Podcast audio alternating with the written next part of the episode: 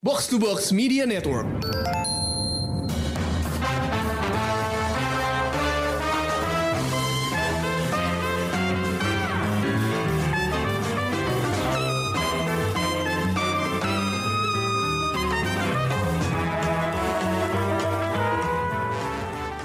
Pendengar Showbox, balik lagi bareng gue Amy dan kali ini gue bakal ngebahas sebuah serial yang baru tayang. Uh, Sebenarnya udah tayang beberapa hari sebelumnya, sangat cocok buat ditonton pas Halloween.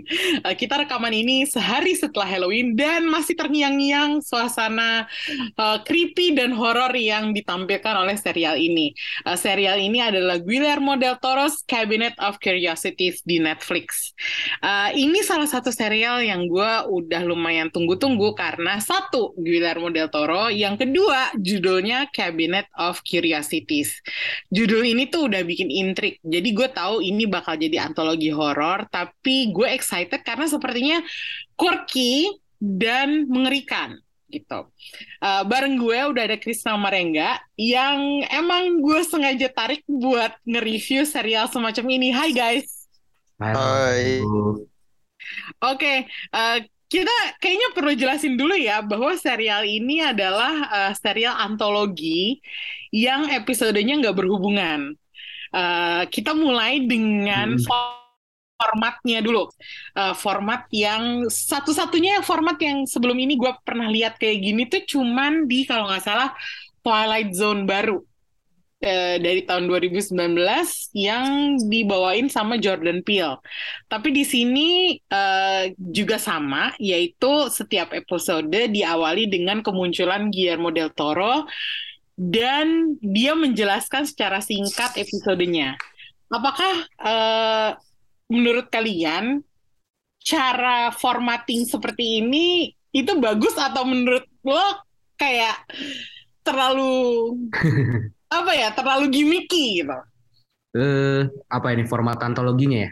Bukan Berarti. format antologi. Eh, jadi Del Toro kan Oh, muncul ya, ya. di awal, Ya, terus ya, dia ya. kenalin gitu. Hmm. Gue sih suka ya, karena Hmm. gue merasa ada ada apa ya, ada oh lucu juga nih di, Nah. dikenalkan sama orang yang eh, bikin serialnya gitu.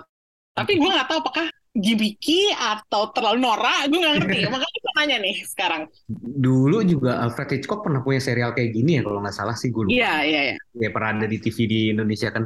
Tapi Hmm. kalau kalau gue sih suka ya karena gue juga pengagum Del Toro ya. Jadi dia udah inilah udah ada di posisi yang layak untuk untuk membuka dan mengenalkan dan dia kan mengenalin sutradaranya juga kan di setiap Iya iya. setiap ini ya dan nggak nggak masalah sih gue kalau walaupun walaupun gimmick at least kam, eh, properti kabinetnya keren Iya betul. kan betul. Cara- properti cara- kabinetnya keren terus cara dia ngenalin cerita terus dia ngasih tahu siapa sutradaranya itu gue suka sih Hmm. dan dan sel- dan itu akhirnya selalu mengingatkan gue kalau ini eh, proyeknya Del Toro loh gitu Ah, oke. Eh, gue nggak tahu nih si Rengga sebenarnya suka apa enggak sama hal-hal yang seperti ini. Kok gue agak ragu. Seperti ini tuh apa? Maksudnya dengan adanya so- sosok seorang Del Toro yang memperkenalkan, apakah lo merasa itu berlebihan Oh, atau sah-sah aja kayak kayak kalau mau kayak gitu gitu? karena Del Toro kayak dia nggak akan bilang berlebihan deh. gue nonton dia dua jam ngomong aja gue dengerin kok. Jadi gue nggak bakal. Oh, oke. Saya tidak keberatan. Soalnya ini juga kayak menjaga tradisi apa sih cerita-cerita antologi horor gitu nggak Iya. sih? Hmm. Dulu kayak lo bilang Twilight Zone kan kayak Benny, terus Alfred Hitchcock juga, terus dulu kalau ada yang ingat dulu ada seriesnya Friday Oh the iya 13 betul. juga awalnya kayak gini. ah, Ya, ya, ya, ya. ya kan terus ada yang acara apa sih Beyond Belief Fact or Fiction gitu pada yang Hmm. tahu gak sih yang kayak yang kayak fact or fiction habis itu mulai nyeng gitu kayak emang enggak Black Mirror ada gak sih? Itu terlalu tua Mirror kayak. nggak ada. ya? Black Mirror gak ada Nggak Nggak ada. Iya ini kayak kayak kayak apa ya kayak tradisi tradisi horror series antologi Amerika tuh kayak gini zaman dulu dan kayaknya itu mau dibawa lagi ke sekarang dengan dengan cara yang seperti itu gitu. Hmm. Menurut gue sih gue suka sih. Gue suka banget. Terus juga juga kayak kabinetnya keren sih. Iya. nggak nggak pernah gue skip bagian itu. Iya, gue juga. Gue bahkan Soalnya juga banyak Hmm. gimmick kayak gitu. gue bahkan nontonin introduction-nya dulu sebelum gue nonton serialnya. Jadi gue udah selesai introduction, tapi serialnya episodenya sendiri gue belum nonton gitu. Oh, Jadi gue merasa apa ketertarikan gue terhadap Del Toro itu lebih besar daripada ketertarikan gue pada cerita-cerita horor. Agak dosa sih sebenarnya. cara dia menyampaikan lovable sih memang. Iya, itu dia. Kalau untuk gitu kan. seseorang, iya, untuk seseorang yang Iya, iya, memperkenalkan cerita horor, Mm-mm. dia tuh sebenarnya sosok yang sangat hangat gitu loh. Iya, dia maestro. Ini kayaknya kita bisa dua jam duduk sini ngomongin keagungan Guillermo del Toro kalau nggak di stop bakal kebablasan. Iya betul. Selain Heeh. selain itu, gue juga suka sama opening theme-nya. Gue udah lama sih nggak dengerin opening theme yang membekas seperti ini gitu. Kayak terakhir gue bisa inget, oke Game of Thrones gitu, Ramin Djawadi gitu. Atau misalnya serial CSI yang lumayan mirip-mirip, mau dari Vegas kayak Miami kayak itu semua nadanya sama gitu. Gue tapi merasa ini eh, opening theme-nya yang dikompos oleh Holy Amber uh, Holy Amber uh, Church itu lumayan membekas kalau di gue dan image-image-nya itu lumayan creepy awal gitu. Kalau menurut lo berdua gimana? Atmosfernya dapat sih dari scoring dan visual openingnya ya. Hmm. Tapi kalau bandingin sama Paman Ramin Jawadi masih kalah sih. Banding ini sama Ramin Djawadi sama misalnya Twilight Zone.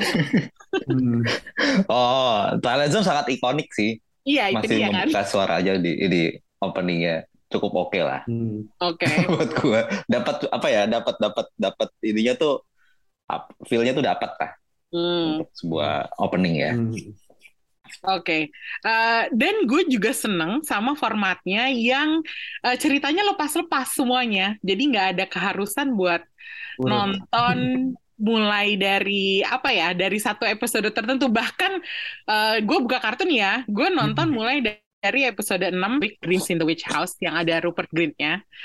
Eh, kal gue mikirnya kalian nonton dari episode pertama atau mungkin kalian nonton dari episode tertentu lainnya yang nggak berurutan atau gimana? Gua urut sih. Urut dari Urut. satu. Hmm, dari Hmm. satu. Karena gue pas dari hari dia dirilis, waktu itu gue langsung nonton. Dan dia Oh, kan di- dan dia kan sepotong apa? eh, dua-dua ya tiap hari gitu kan. hmm. Jadi ya ya urut sih kalau gue. Kalau Rengga, Gue juga runut. Gue juga runut sih. hmm. Oh, kalau misalkan gue nggak kepikiran buat nggak ini sih motong-motong gitu. Jadi kayak udah gue lanjut lanjut aja kayak next next next next next gitu. Oh, oke. dan dan apa ya nggak nggak apa sih nggak nggak membuat perbedaan juga sih menurut gue Iya karena ter bener-bener kalau motong-motong ataupun runut gitu kan Nah, soalnya ceritanya juga nggak nyambung. bener-bener Tapi karena kalian kan sudah nonton ya semuanya. Dan eh, udah tahu mana urutannya yang paling eh, dari yang paling jinak sampai yang paling liar gitu.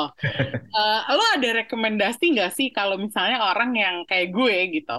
Gue nggak, sebenarnya kan nggak berani nonton horor gitu. Terus lo pengen ngerekomendasiin serial ini kepada seorang Hmm. seperti gue gitu. Lo bakal bilang lo mulai di mana gitu. Lo bakal eh, menasihati orang itu untuk mulai di episode berapa? Untuk startnya, ya, untuk yang nggak suka horor. Kalau untuk yang nggak suka horor mungkin di episode terakhir sih. Justru ya kan yang the murmuring itu kan. Iya. Masalahnya iya itu itu paling soft sih paling soft tapi bagus ceritanya. bagus ceritanya bagus Kedalaman emosi tersendiri gitu. Eh, ya apa? eh, supernatural ya kali ya, ya kayak gitu kan. Jadi keren sih. natural Hmm. Oke. Walaupun Gua mengerti sih. Filmnya gue rada sebel sih ya. Film dia yang bikin dia terkenal Babadook ya. Babadook sama horror overrated. tas iya Kita jangan mulai ranting tentang Babadook deh. bleber nih Iya. mana-mana Iya. tapi ini bagus sih ya iya iya Oke, kalau misalnya itu yang paling soft buat kalian, yang Hmm. paling liar tuh yang mana?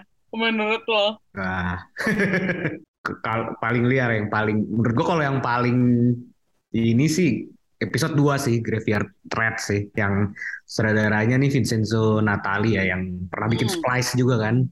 Jadi ya udah Ya. kebayang lah ya. Nah, itu ya maksudnya ceritanya kan tentang ini kan apa nazah kan grave robber kan. Karena ya kayak di ternyata di dalamnya ada tikus gede banget lah apalah itu dan itu semua creature-nya keren-keren sih. Terus kayak Ah. gue inget ada scene ketika satu adegan ketika dia baru buka petinya gitu kayak eh, target incarannya gitulah. Terus petinya Hmm. dibuka itu pas banget kayak si jenazahnya tuh ditarik ke dalam lubang gitu di balik di petinya gitu. Itu kayak anjir kayak ditarik siksa kubur gitu. Serem. Oke, Tapi itu berarti ya, yang paling gila ya buat lo ya, Chris? buat gue itu yang paling intens sih. Ah, Tapi kalau yang lain tuh kan kayak lebih apa ya?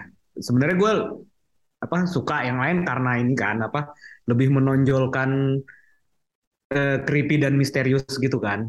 hmm. Tapi secara penceritaan tuh eh, nggak terlalu intens, nggak terlalu cepat gitu. Tapi terasa atmosfer yang eh, creepy gitu kan. Nah sementara tuh udah udah cepet serem gitu. Terus ada eh, monster yang aneh banget gitu gitulah. Itu kayak 20 menit terakhir tuh nggak ada jedanya gitu. Iya, kejar-kejaran di Keretan mulu, iya kejar-kejaran. juga rasanya kan kayak Banget. kejar-kejaran Kayak di di terowongan terowongan bawah bawah tanah gitu, dikejar-kejar. tikus sama Tikus gede makhluk gitu. apalah tahu Buat lo, Reng, mana yang paling wild, paling intens, atau paling nakutin? Ini kayaknya favorit semua orang sih sebenarnya yang episode The Autopsy. Ah, Episode berapa sih itu ya? Tiga ya? hmm, Tiga, tiga Tiga, empat ya? tiga tiga tiga. Tiga ya? Iya, soalnya ya cerita ceritanya apa ya? Kita nggak tahu mau dibawa ke mana Iya, awalnya kan. Kayak beneran cuma cerita pelan-pelan gitu. Tapi tapi kayak ada ada apa? ya, Ada selubur di cerita kupas tuh. Hmm. Kayak, ini mau dibawa ke mana sih ceritanya? Gue nggak tahu nih. Padahal padahal si Detoronya bilang kan ini cerita tentang apa sih alien. iya tapi mana Tapi alien ya kayak dari awal kayak ini aliennya makanya bener kayak 15 menit pertama kayak ini aliennya di mana ya? kayak Kok malah ini jadi kayak, makin- kayak ini tuh kayak, kayak thriller satu adegan gitu. in Black kan ada yang aliennya di ini, ruang otopsi juga Oh iya bener ya iya iya iya. tapi ya beda lah ini jauh lebih serem Iya beda sih. heeh. Ya itu kayak dibawa kayak trailer gitu sebenarnya kayak eh, kok trailer sih thriller banget gitu kayak ini aliennya di mana sih kok nggak nggak Hmm. nongol nongol gitu. Kembali ceritanya kan tentang alien. tiba-tiba kayak Lalu setengah jam 20 menit terakhir tiba-tiba ah ini apaan kok black black orang gitu tiba-tiba. Mesen- Sementara aliennya belum keluar keluar belum nongol nongol kayak gitu black black orang ngangkat ngangkat jantung ngangkat ngangkat paru kayak, ah gori banget terbing banget itu. Kamera tuh Oh iya bener. practical effect banget anjing Eh, prostetiknya keren banget itu Iya itu keren otopsi. banget sih praktikal efek parah gitu. Hmm, Heeh, wah, kayak real banget. Oke, apakah Hmm. ini episode Padahal episode nggak yang nggak nggak. episode episode yang barusan lo ceritain ini, apakah itu menjadi episode favorit lo atau ada lain yang eh, lain lagi yang menjadi favorit lo? Bu- buat gue sebenarnya ada yang semuanya lain sih. cukup imbang sih Oke, Krisna Kayak dulu. Oke. Kayak semua punya ininya sendiri lah, kelebihan seremnya, kelebihan ceritanya sendiri-sendiri gitu ya. Hmm. Cukup kuat tapi ya mungkin memang kayak yang kebetulan tadi disebut Rengga juga, yang gua sebut juga itu emang yang kalau buat gue sih yang paling menonjol sih. Tapi ya yang lain sama sekali nggak boleh dilewatin juga sih kayak Pigments Model tuh kan, tuh endingnya lumayan. ya. Lumayan gong itu. Ya, terus kayak yang episode 7 juga yang The Viewing Wall itu kayak itu juga lumayan kayak bikin ini sih penasaran kayak ini mau dibawa ke mana ceritanya gitu kan. Iya bener. itu kayak nggak jelas banget kayak apaan sih nih? Apa, sepanjang film cuma ngobrol aja nggak jelas justru mau di- sambil ini sambil makan gitu kan. Iya.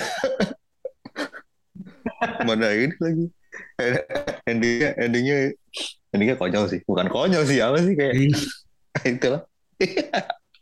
kayak lah ternyata begitu. Gitu. gue mau spoiler lagi. Ini cukup mengejutkan. Ya, jangan Tapi ya- spoiler ya kalau Iya. bisa ya. Soalnya Membagongkan ya. Eh, kita pengen sedikit menyimpan misteri supaya orang-orang yang dengerin review ini penasaran gitu. Ya. Maksudnya jangan diumbar banget gitu loh. Baik. Tapi milih nih, boleh milih yang favorit banget tuh yang yang mana gitu. Karena kalau gue sebagai orang yang gak suka horor, gue tentu aja bakal milih episode terakhir, yaitu The Murmuring. Karena ceritanya tuh lebih tentang apa ya, tentang grief dan Iya, kehilangan. kehilangan. Iya. Ah, dan eh, cerita tentang apa ya, bagaimana em, pasangan ini tuh banyak yang harus diproses lah setelah kehilangan eh, anggota keluarga mereka gitu. Iya. Dan apa sebenarnya endingnya cukup hopeful, nggak yang tragis banget Iya. gitu. Hmm. Tapi eh, sisi humanisnya tuh tinggi banget, makanya gue suka banget gitu. Iya. Jadi kalau lo boleh milih satu episode favorit lo banget di antara delapan episode yang ada, itu tuh yang mana? Gue di otopsi sih. Otopsi. Hmm. Oke. Kenapa? Iya, seperti yang tadi sudah Rengga jelasin sih. Ya emang eh ya itu ceritanya sendiri udah penuh misteri. Kita nggak tahu mau dibawa ke mana. Hmm. Eksekusi body horornya itu keren banget semuanya. Jadi ya paling inilah paling paling paling kuat lah buat gua. Sebenarnya kalau dari cerita The Autopsy yang lebih menarik di gua adalah naskahnya ditulis sama David S. Goyer ya. Iya betul. Kalau Iya sutradaranya betul. nggak terlalu gimana-gimana banget, tapi karena yang nulis David S. Goyer dan dia consistently selalu bikin karya-karya yang memorable gitu. Jadi makanya gue tertarik juga. Kalau Hmm. Rengga, yang mana? Yang favorit banget? Favorit banget itu sama sebenarnya di otopsi. Beda dong. Baik, karena disuruh, karena disuruh beda, gue pilih yang lain. Eh, gue sih setelah tadi gue cerna lagi, gue lebih suka episode pertama Lot 36. Ah, oke. Ini belum banyak disebut nih dari Ah. tadi nih. Iya, ini salah satu soalnya asli Del walaupun- Toro juga nih kan. Iya, Yang episode ini- 8. eh, short story Del Toro. Iya. Iya. Tapi minusnya adalah minusnya ntar dulu deh. Hmm. gue suka ceritanya, ceritanya kayak kayak kayak apa sih? Apa namanya kayak kayak, kayak ngacara itu. Eh, Storage War. Sampai suar. Cara bapak-bapak Secara History Channel itu ya. Iya. Iya storage war kan. Ya, Kayak- lelang-lelang. Heeh. Iya. Datang apa lelang-lelang storage gitu isinya wah seru nih apa nih isinya gitu. Ceritanya kayak udah udah sedikit kelihatan sih sebenarnya kayak larinya ke supranatural gitu. Tapi sedikit demi sedikit kayak ketahuan di banyak awalnya awal apa cerita opening awalnya udah cukup disturbing sebenarnya kayak ada si bapak-bapak lagi nonton terus tiba-tiba dia dia motongin kepala apa itu kepala apa sih rakun ya kalau salah motongin Hmm. chopping kepala rakun gitu kayak apa apa Iya. Rakun yang udah dikulitin gitu kan kayak anjing apa nih ceritanya? Gitu. Terus makin ke sini makin ke sini ceritanya makin menarik gitu. Ternyata di storage-nya itu banyak hal-hal supranatural yang dan dan nggak cuma serem tapi ternyata ba- ba- background-nya itu eh, balik ke sampai zaman perang dunia 2 gitu. Kayak wah Hmm. ini banyak banget ininya gitu. Sangat menarik buat gua. Dan ternyata gue lihat karakter ininya creature-nya itu kayak gue cukup familiar ini karakter karakter kayak gini ya Eh, ternyata setelah gue lihat kreditnya si konsep artisnya itu konsep salah Oh. satu Ah. gue makin suka ceritanya sebenarnya Kolaboratornya Del Toro juga dong. Iya, heeh, ternyata pas gue liat episode-episode setelahnya, apa bentukan monster-monsternya tuh kayak mirip-mirip gitu, Hmm. kayak oh ternyata Iya betul sih. sama semuanya si Guy Davis semua gitu. Itu makin bikin gue suka Lot 36 tuh kayak wah keren banget sih emang bentukan monsternya gitu. Walaupun Ah, ceritanya ada sedikit kekurangan kayak rada dragging gitu-gitu ya karena kelamaan. Tapi dari segi apa namanya visual dan eh, oh pace-nya sih rada kelamaan tapi ceritanya bagus gue suka banget hmm. dan apa namanya shot-shotnya juga bagus gitu kan secara yang bikin si Guillermo Navarro kan ininya Hmm. DOP-nya Del Toro banget kan dia Heeh. mana-mana dibawa gitu jadi kayak ini favorit gue banget sih episode pertama udah cukup wah keren nih gitu gue harus lanjut langsung gue binge kan lanjut selanjutnya Hmm. Jadi kalau misalkan mau diurutin, lu mau nonton episode satu udah cukup bikin gua ngehook sih. Yang jelas Jadi gua bisa lanjut ke storage-nya episode nggak yang kayak di lain. Storage Wars ya. Udah. Beda acara, Ya. Chris. Oke, Eh, ini gue tekankan sekali lagi bahwa serial ini asli horor ya, 100% ya. Maksudnya nggak nggak nggak malu-malu untuk mengeluarkan segala macam jenis creature lah, body horror, lo black-blackan, tusuk-tusukan, pokoknya semuanya ada gitu.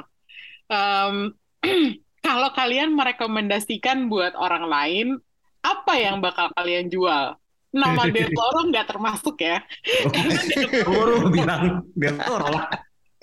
Iya, karena kita tahu itu Netflix pun memakai nama Del Toro buat ngejual serial ini. Judulnya aja udah Guillermo Del Toro's Cabinet of Curiosities. Tapi rekomendasiin serial ini ke orang yang eh, mungkin belum ada dorongan buat nonton, belum tertarik buat nonton. Kayak contohnya Ulil deh. Ulil belum nonton loh. Jadi lo bakal berkata apa pada Ulil supaya dia mau nonton? Apa ya, kalau disuruh jualan sih gue bakal jual. Apa ya, serial ini lu bisa pilih ini kayak kayak apa ya, supermarket horor sebenarnya. Lu mau Ah, pilih horor kayak apaan aja ada mulai dari alien supernatural apa body horror gore apalagi ya Ref, horor yang humanis gitu horor yang serem horor yang slasher semua di sini Hmm. gitu. Horor yang aneh gitu Hmm. horor yang disturbing creepy thriller ada semua di iya, sini. Iya, iya. Nah, jadi lu tinggal pilih aja mau episode berapa. Lu ah gue pengen cari horor yang ini nih, horor yang menjijikkan gitu. Lu bisa pilih si itu tuh, The Viewing gitu kan. Jijik kan horor yang kalau menurut gue di outside. apa? Ya setnya apa ada? Oh iya itu juga tuh. Tapi itu lebih ke disturbing sih, itu creepy. itu sih. creepy ya. ya, ya. Hmm. Iya kalau lu mau horor yang setan-setanan gitu kan, lu bisa pilih siapa ya? Marmering, Mering mungkin, atau mengharukan. Pigments Model gitu. Iya sih mengharukan. Tapi kan ada serem, ada serem juga. Ya, kayak Komplit gitu sih. ya. Semua yang kayak monster-monsteran gitu. Ada Lot 36 tuh bisa gitu. Jadi kayak ya Iya. semua ada lah di sini di serial ini. Gue suka sih istilah yang lo pakai supermarket horror. Itu kayak konsep yang belum pernah gue denger tapi ada benernya juga gitu. Iya. Iya. Kalau Krisna, lo sama sama Rengga untuk mempromosikan serial ini atau punya cara lain buat Gue menjual? sih, gue setuju sama semua yang dibilang Rengga tuh bener banget sih. Tapi di luar, di produksinya bagus. Maksudnya kayak lu Hmm. bisa lihat desain desain creature-nya bagus, settingnya juga semuanya gitu kan, kayak rumahnya, tempat eh, apa tempat otopsinya, tempat Hmm. apa gitu, kayak di bagian pigment pigments model misalnya, lukisan lukisannya tuh beneran bagus-bagus gitu dan serem Hmm. gitu. Maksud gue kayak ya diproduksinya juga dengan keren secara desain, secara eksekusi gitu. Kayak dia kayak termasuk di openingnya aja tuh lemarinya keren kan, padahal itu cuma Ya, itu dia. Ya kita itu sih. tadi. Terus apa ya? Terus secara cerita juga apa ya? Ini kayak horor yang lebih menonjolkan unsur misteriusnya gitu loh. Hmm, Jadi kayak bukan lebih sekedar creepy, bukan sekedar teror yang tanpa hati, ah, jump scare yang nggak bisa, yang nggak ngasih lu napas nggak, tapi kayak kayak cerita yang misterius, yang creepy, yang bikin lu ter, terusik tapi juga penasaran gitu kan. Jadi lu Hmm. nggak nggak bisa berhenti juga. Ya kalau balik lagi sih walaupun ini sutradaranya banyak nama-nama top juga sebenarnya kan ya kayak ada si Anna Lily Amirpour segala gitu kan. Tapi ini semua terasa tetap perpanjangan tangannya Del Toro gak sih? Ya, itu Ya. kerasa banget sih Jadi bahwa tetap ada benang merahnya di situ kali ya. ya dan cerita-cerita yang dipilih itu justru sepertinya cerita-cerita yang mencerminkan favoritnya seleranya Del Toro ya nggak Iya, sih? Meskipun Betul. eksekusinya beda-beda, tapi kita tahu bahwa oh itu personal choice dari si Del Toro gitu loh. Iya. bahwa ini seleranya dia ngikutin selera dia Hmm. dan uh, itu sangat uh, gue uh, justru gue suka karena itu gitu tapi karena kita udah uh, ini ya kan ini horor tapi nggak ada horor Asianya gitu menurut lo uh, ini ini kan uh, bisa dibilang ini gaya horor Amerika seperti yang kita udah bicarain tadi gitu kalau uh, semua serial yang uh, tadi misal uh, di awal Re- Rengga udah sempat sebutin misalnya bahkan dibandingin sama yang baru-baru ini aja deh, kayak American Horror Story, di mana posisinya dalam ranking perhororan untuk serial antologi ini? Black Mirror itu nggak sih? Sebenarnya Black Mirror mirip sih, tapi gue nggak bisa bilang itu 100% horor. Ya gue nggak tahu nih, makanya nih kita bahas aja ya? sekarang. Gimana menurut lo? gue nggak banyak nonton saya ininya si AHS ya, Story. season kedua seinget gue ya. Ya cuma ini lebih apa ya? AHS tuh banyak jump scare-nya kan ya? Ingat Ya, ya kan? sensasional. heeh. Mm-mm. Ini lebih lebih beda sih menurut gue. Ini lebih lebih apa ya? Kasar lebih lebih berat daripada AHS. AHS tuh yang lebih yang Ya, kayak setan Ini setan in your face banget gitu loh. Iya, iya, iya. lumayan menguras ini sih buat nonton sebenarnya. Karena nggak semuanya alurnya cepat juga. Iya kan? benar Ha, ha, ha, ha. kayak lu harus benar-benar perhatiin kadang terus kayak harus Mm. harus lu harus nonton nih buat ngerti ceritanya gimana sih terus kayak banyak gimmick kecil-kecil gitu yang ah ini begini ya gitu kayak lebih kayak gitu-gitu ya sih nggak nggak nggak in your face banget setannya Hmm. gitu Hmm. justru itu yang yang lebih seru buat gua ratingnya cukup Hmm. tinggi sih buat gua jadi beneran cerita itu digarap gitu kelihatan Iya. Oke, berarti bukan main-main sekedar labelin horor, tapi juga nggak yang nyari sensasi doang gitu kan Iya. maksudnya. betul ya justru Kalau ini kenapa? more than horror sih Ah, iya benar juga Hmm. sih. Mm. Hmm. Kalau Krishna kenapa tadi pengen ngebandingin sama Black Mirror?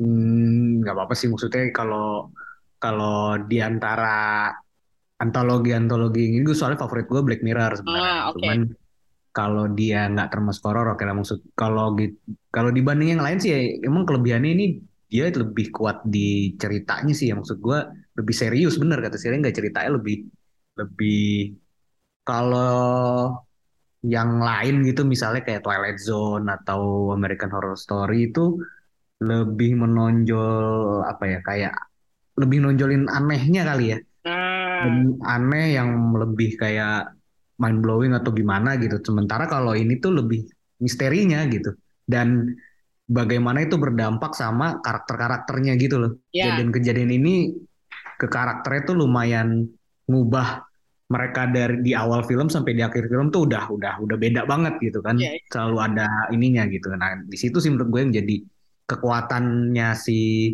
Cabinet of Curiosity ini dibanding ya taruhlah eh, AHS dan Twilight Zone yang baru ya Hmm, oke. Tapi kalau lu tadi bilang kan lo favorit antologi lo adalah eh, Black Mirror gitu. iya Kalau dibandingin Black Mirror, apakah udah sebanding atau masih kurang atau gimana? Eh, ya Black Mirror kan sebenarnya lebih ke teknologi yang tidak berjalan dengan benar kan Iya. sebenarnya. Nah, Jadi sebenarnya cukup beda juga sih, cuman mungkin gua lebih, lebih ke- kesukaan gua ke Black Mirror mungkin kayak lebih dekat gitu loh, kayak lebih mungkin terjadi gitu. Ah, relatability-nya Ya. lebih besar ya. Apalagi yang zaman awal-awal yang masih di itu masih lebih keren lagi. gitu. Ah, Oke. Mm-mm. Tadi kita udah sebut nyebut beberapa nama eh, filmmaker yang terlibat di sini. Mhm. Eh, ada nggak wishlist buat misalnya nih, misalnya Guillermo del Toro bikin eh, Cabinet of Curios- Curiosities the Second buat tahun 2023 gitu, atau entahlah kapan gitu. Tapi ada yang kedua. Ada nggak sih eh, wishlist sutradara yang pengen lo lihat untuk menggarap sebuah cerita di cerita kayak gini gitu. Anggaplah wishlist horor kalian gitu. Yang cocok buat cerita-cerita ini tuh apa gitu.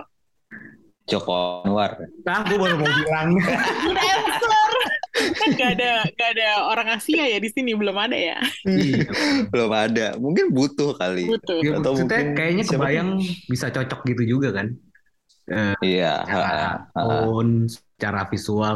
Uh, dan mungkin kalau misal Del Toro, Del Toro pengen mengeksplor horor-horor dari belahan dunia lain masuk Hmm. banget Hmm.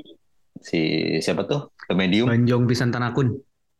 Ya si Banjong juga bisa kan ditarik-tarik tuh Sama lagi dua-duanya. Serius sama Chris? Sama, ya gue perlu gue fotoin nih. Iya.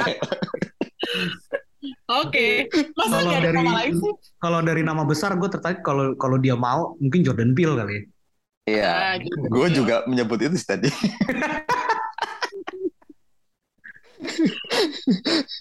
Atau mungkin yang rada ini Scott Derrickson lah. Oh iya, tapi Scott Derrickson juga gede juga lah. Iya. udah kegedean gak sih? Scott Derrickson. Sama, Jordan Peele sama Scott Derrickson. Ari Aster mungkin. Oh, Ari Aster bisa, bisa. Ya. bisa. Ah, Ari Aster mungkin, oke. Kalau gue sih Mike Flanagan. Ah, iya Mas Sesama Flanagan. Cocok situ. Sesama Bisa Netflix. tuh. Bisa. Bisa tuh. Walaupun dia udah punya ini sendiri ya. Udah punya brand sendiri di Netflix kan. Iya, iya, ada sih. Cuman kayaknya kalau misalnya kita mikirin eh, nama-nama sutradara yang dari Asia mungkin agak masih kejauhan kali ya. Secara apa ya? se- mungkin Stylenya produksinya. Hmm. Ya, jadi gue nggak keberatan ya sama sutradara-sutradara Asia. Mungkin di Asia nanti ada Joko Anwar's Cabinet of Curiosity sekali gue nggak Wah, tahu ya. Juga. Ya, gitu ya. Format seperti ini kan udah pernah dicoba tuh di folklore-nya Oh iya HBO. iya iya benar. Nah, Mm-mm. kan itu udah ada Itu, dan itu Asia. ini Jadi kan apa? Tiap negara beda-beda gitu kan. Sesuai, ya tiap negara beda-beda gitu. folklore masing-masing gitu kan. Hmm. Ya, jadi itu intinya udah pernah dicoba Hmm. lah sama beberapa filmmaker format ini. Tapi kalau di sini kan yang menjadi kekuatan Hmm. Toro-nya gitu. Gue cuman mikirin kalau misalnya ada filmmaker lain yang mau kerja sama sama Del Toro, gue rasa Mike Flanagan bisa cocok nih. Bisa sih. Bisa banget menurut gua. Ininya feel-nya sama sih. Nah, ah, bener. Hmm, itu dia. Makanya kayaknya kalau eh, gue lumayan tertarik nih sama serial horor ini, yaitu karena GDT-nya kan. Jarang-jarang loh gue ngajakin review buat film horor. Kayak si Ulil ngajakin gue review Kodrat, gue agak, eh no, horor gitu. Tapi Guillermo del Toro's Cabinet of Curiosities, gue pengen nge-review gitu. Jadi ini adalah suatu hal yang langka kalau boleh dibilang gitu ya. Um, Oke, eh, itu dia tadi bahasan kita tentang Guillermo del Toro's Cabinet of Curiosities tayang di Netflix ada 8 episode. Eh, kayaknya kurang nggak sih kalau menurut lo? Cukup atau kurang? Harus ada sih selanjutnya. Harus ada ya? Ada Iya. ya. Kapan lagi Tahun boleh? depan lah, gak usah buru-buru. Biar bagus juga. Iya kan, udah proyeknya juga udah habis Del Toro. Pinocchio udah kelar. Oh iya. Mau ngapain lagi sih? Udah bikin lagi. lagi aja lah. Dia kan Iya. cuman dia cukup syuting sehari buat semua opening itu udah gitu kan. Padahal menurut dia capek tahu. Mesti ngomong gitu ngejelasin. Kan sih saya dia tinggal datang ke lokasi ngecek, ngeliat, udah. Oh iya bagus, bagus, bagus. Lanjut, lanjut. Pulang gitu. Boleh sih idenya. Eh, Semoga didengar sama Guillermo del Toro ya guys. Eh, tapi sekian dulu. Semoga aja ada lagi Ki- Cabinet of Curiosities the second di tahun depan atau dua tahun lagi mungkin. Ya take your time GDT. We will be waiting over here. Eh, thank you udah dengerin review gua bareng sama Rengga sama Krisna. Eh, kita ketemu lagi. Thank you. Bye bye. Bye. Bye.